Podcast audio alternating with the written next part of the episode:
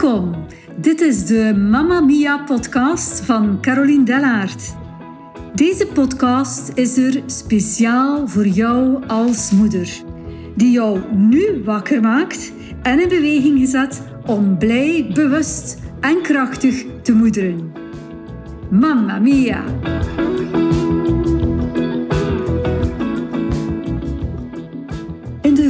Volgende podcastaflevering zullen we het hebben over de illusie niet gemist kunnen worden. En dit denkbeeld is één die voor mij vroeger ook wel een lastige is geweest. En dan denk ik vooral terug aan de tijd toen mijn eigen kinderen klein waren. En wanneer ik dan s'avonds nog eens weg moest, het zij voor het werk, het zij naar een, een voordracht van de vrouwenvereniging, dan was er dikwijls het protest van, oh mama, moet jij nu weg? En een tegensprutsen. En ik wil dat nog. En wil je dat nog een keer doen? En terwijl als papa weg moest, dan was er gewoon geen probleem. Er was geen haan die kraaide. Papa ging gewoon weg. En dan zit je als mama met dat gevoel van, ah, kan ik hier nu echt niet gemist worden? Ze hebben mij nog nodig. Hey, gaan ze het wel redden zonder mij? En dat is niet altijd leuk. En misschien kan je ook nog een ander gevoel, zo van als hoogsensitieve mama, dat je eigenlijk weet van wat dat je kind nodig heeft. Je hebt niet veel nodig dat je kind aan heeft om te weten wat er echt scheelt. En je partner of je babysit hebben dat gevoel misschien minder, waardoor dat je dan denkt van, ja, zal mijn kind nu geen tekort hebben? En is het wel verantwoord dat ik nu wegga? Uh, en misschien heb je al een keer een telefoontje gehad als je wegging uh, dat niet zo goed ging. En dan overvalt jou het gevoel van, oh, het is misschien gewoon beter als ik hier ben en als ik hier blijf. Misschien herken je dat ook. En deze gedachten die zo onbewust naar boven komen, kunnen zo sterk zijn dat je ze ook effectief voelt in je lichaam. Je kan een stressvolle beklemming voelen op je borst of een spanning in je buik of je kan een krop krijgen in je keel en je moet dan nog vertrekken. Wel, op dat cruciale moment dat je de deur wil opendoen en het huis wil uitgaan, dan heb je eerst nog even op een andere knop te drukken. De knop van een lift. Een lift die jou helpt om uit de bovenverdieping van je hoofd te zakken die het op dat moment volledig overneemt. En jij hebt dan te zakken naar je hart, waar je behoeften en verlangens wonen, en nog dieper naar je bekken, waar jij weet wat dat je echt nodig hebt. En laten we eerst eens zakken tot in, het, in je hart, waar de, jouw behoeften en verlangens aanwezig zijn. Wat gebeurt er wanneer dat je niet luistert naar je hart? Dan zal vroeg of laat zal je het niet jezelf, maar zal je het de ander kwalijk gaan nemen.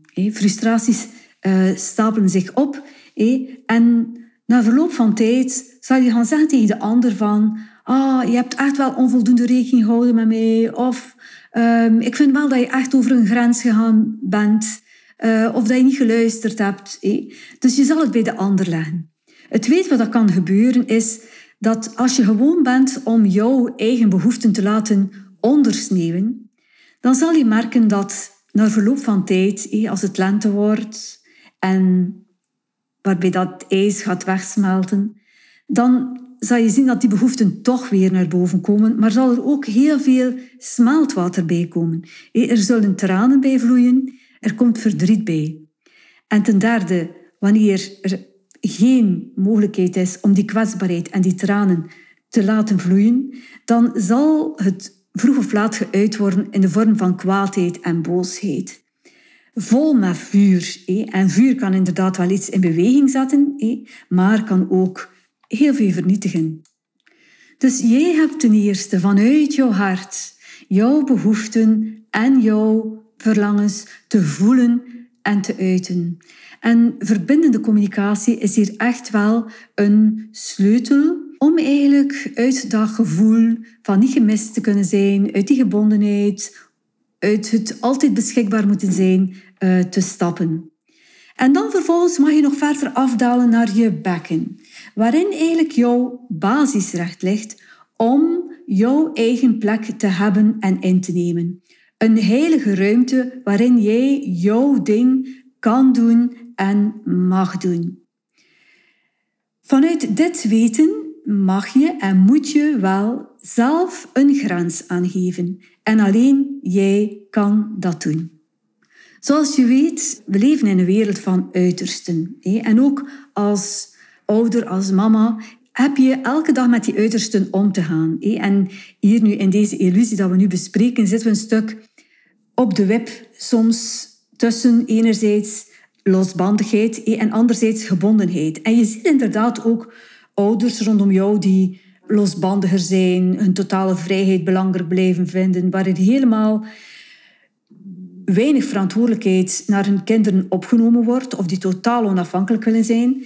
En dan heb je het andere uiterste van ouders die volledig uh, gebonden zijn, die absoluut niet gemist kunnen worden, die geen babysit nemen, die, uh, ja, die, die volledig gebonden zijn. Dus die twee uitersten zijn er. Maar in die twee uitersten, als je daarin verblijft, krijg je vroeg of laat problemen. Net zoals dat het bij een schommel of bij een web onmogelijk is om in die uitersten te blijven, moet je vroeg of laat terug naar dat midden komen. En hiervoor heb je zelf een bepaalde grens aan te voelen en dichter naar dat midden toe te bewegen. En soms heb je wel mensen nodig in je omgeving die een stuk de weg naar dat midden tonen. En dat kan ofwel mensen zijn die een totaal een uiterste tonen, waardoor dan ze jou triggeren en zeggen van oh nee, dat wil ik absoluut niet. Maar anderzijds kunnen het ook mensen zijn die eigenlijk al in dat midden zijn en die ergens voorleven hoe fijn dat het daar is. En het is een plek dus waarbij dat je die uitersten kan hanteren en waarmee dat je er echt kan mee spelen. Dus enerzijds zijn we als moeder zoekende stuk naar dat evenwicht tussen afhankelijkheid, onafhankelijkheid, uh, los zijn en gebonden zijn. Maar anderzijds, en laten we nu eens als moeders onder elkaar heel eerlijk zijn, kan het je ook wel als mama een heel goed gevoel geven als je kind zegt dat het jou mist, of het gevoel van niet gemist kunnen zijn. Van, je hoort eigenlijk ook wel graag van ik wil dat je langer blijft, of je kan dat beter, of ik ga je terug missen. Dat doe je als mama ook wel iets. Maar, en dat gevoel dat mag er gerust zijn, maar dat gevoel kan echter ook wel gaan uh, escaleren en gaan doorwerken op gebieden waar het niet echt nodig is. Jij kan gewoon taken blijven vervullen dat het kind, dat ondertussen groter geworden is, het zelf al kan, je gaat dat misschien blijven overnemen. Of je gaat er gewoon onbewust taken blijven bijnemen die eigenlijk iemand anders ook op zich kan nemen. Dus het is heel belangrijk en ook goed om als moeder regelmatig te gaan uh, observeren waarin jij op dat moment wel en waarin dat je niet gemist kan worden, waarin dat je wel nodig bent en niet nodig bent. Het blijft een aandachtspunt, ook als je kinderen uh, ouder zijn. Dus kijk ook vooral ook wat dat er goed loopt wanneer dat jij weg bent.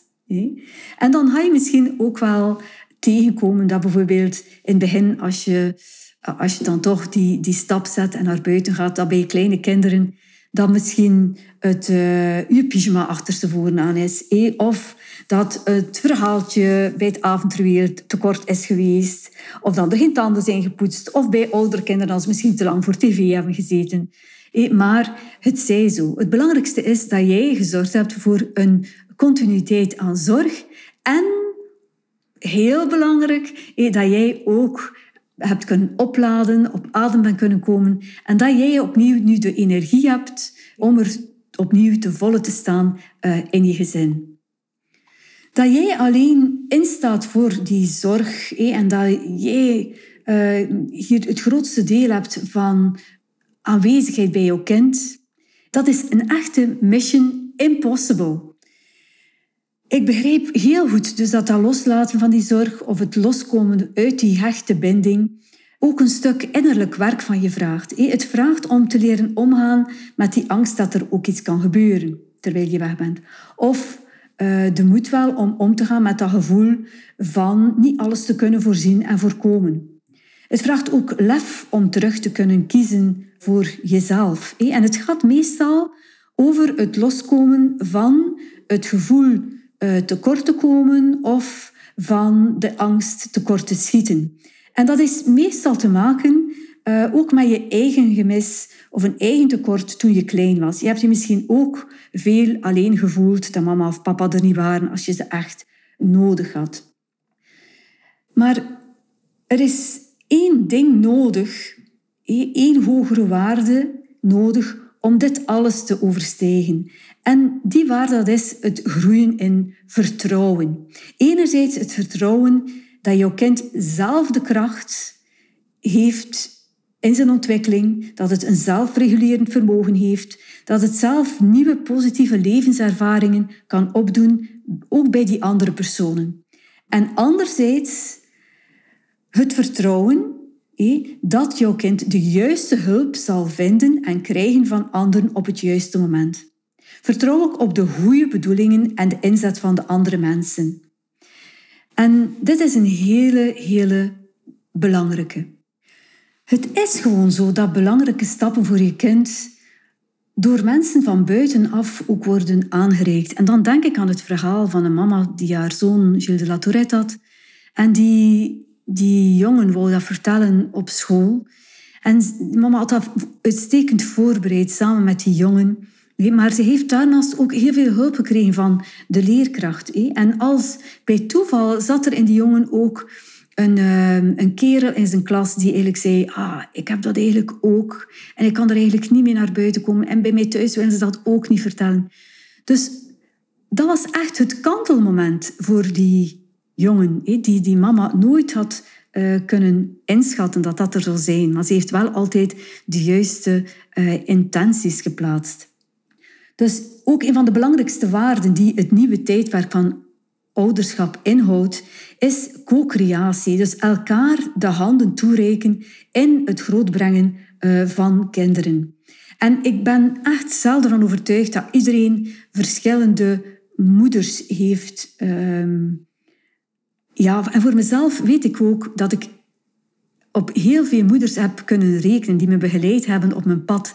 En ik kan het ook zien dat mijn eigen kinderen ook andere moeders hebben. En dat is oké voor mij.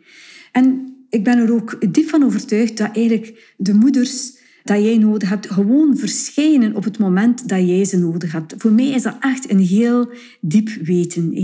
En dan wil ik ook nog het Afrikaanse spreekwoord zeggen van it takes a village to raise a child. dat is ook een waarheid als een koe. dan een zus, een vriendin, een oma, een opa, een plusmama, een opa, een onkel, een leerkracht, een buurvrouw, een leidster of leider uit een jeugdbeweging. Uh, ze zijn er allemaal die jou meehelpen in het uh, opgroeien van een kind. En zo wordt de mission impossible, van er als mama uh, alleen te, voor te staan of als ouders alleen voor te staan, wordt dan echt een mission exponential, van allemaal uh, samen.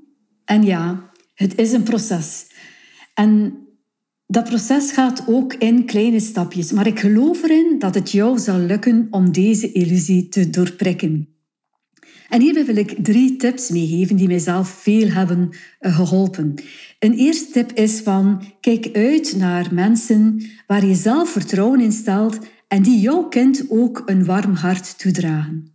Zo van die mensen, en je zal ze herkennen, die ook iets met jouw kind willen delen.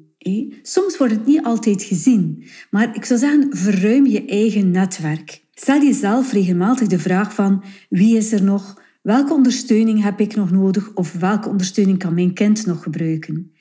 Een tweede tip is: zorg voor een goede planning en bereid jezelf en je kind voor wanneer je voor kortere of langere tijd weg bent. Zorg dat er een goede, grotere voorspelbaarheid is. En deel ook met de mensen die voor de zorg van je kind zullen instaan hoe je kind aan elkaar zit, wat werkt en wat niet werkt. Want wat jij al weet, hoeven zij niet meer uit te vinden of te zoeken. En dat zal zowel, die voorbereiding, dat zal zowel jou, maar zeker ook je kind, heel veel rust en vertrouwen geven. En een derde tip die ik wil geven als mama is plaats intenties. Intenties plaatsen, dat is echt een van jouw grootste uh, krachten als vrouw en als moeder. Ik zou zeggen, visualiseer dus dat de avond heel vlot, of het moment dat je weg bent, heel vlot zal verlopen. Visualiseer dat je zal terugkomen als een opgeladen mama, die een wauwmoment heeft beleefd, die alle energie heeft om terug in, uh, in het gezin te staan. En zie ook happy kids als je thuis komt, die ook blij zijn, die misschien ook iets hebben bijgeleerd, die ook een mooi moment hebben gehad. Dus ik zou zeggen, plaats intenties voor een uh, goede afloop. En dat werkt. Zo, ik wens jou heel veel succes en ben heel blij dat je er terug bij was. Ik hoop dat deze podcastaflevering voor jou echt wel het verschil kan maken en van betekenis is geweest. En ik zou zeggen, graag tot een volgende aflevering. Dankjewel dat je luisterde naar deze podcast. Ik vind het altijd leuk als je een review of een berichtje nalaat wat je van deze podcast vond of wat je eruit meeneemt. Zelf kan je ook abonneren op mijn podcast. Maar misschien denk je nu op dit moment ook wel aan een andere moeder. Zo van, ja, zij zou er eigenlijk ook wel heel veel deugd aan hebben om dit te horen. Wel, dan ben ik je nu al van harte dankbaar om dit met haar te delen. Want Mamma Mia is er echt voor alle moeders. Bedankt om te luisteren en heel graag tot een volgende keer.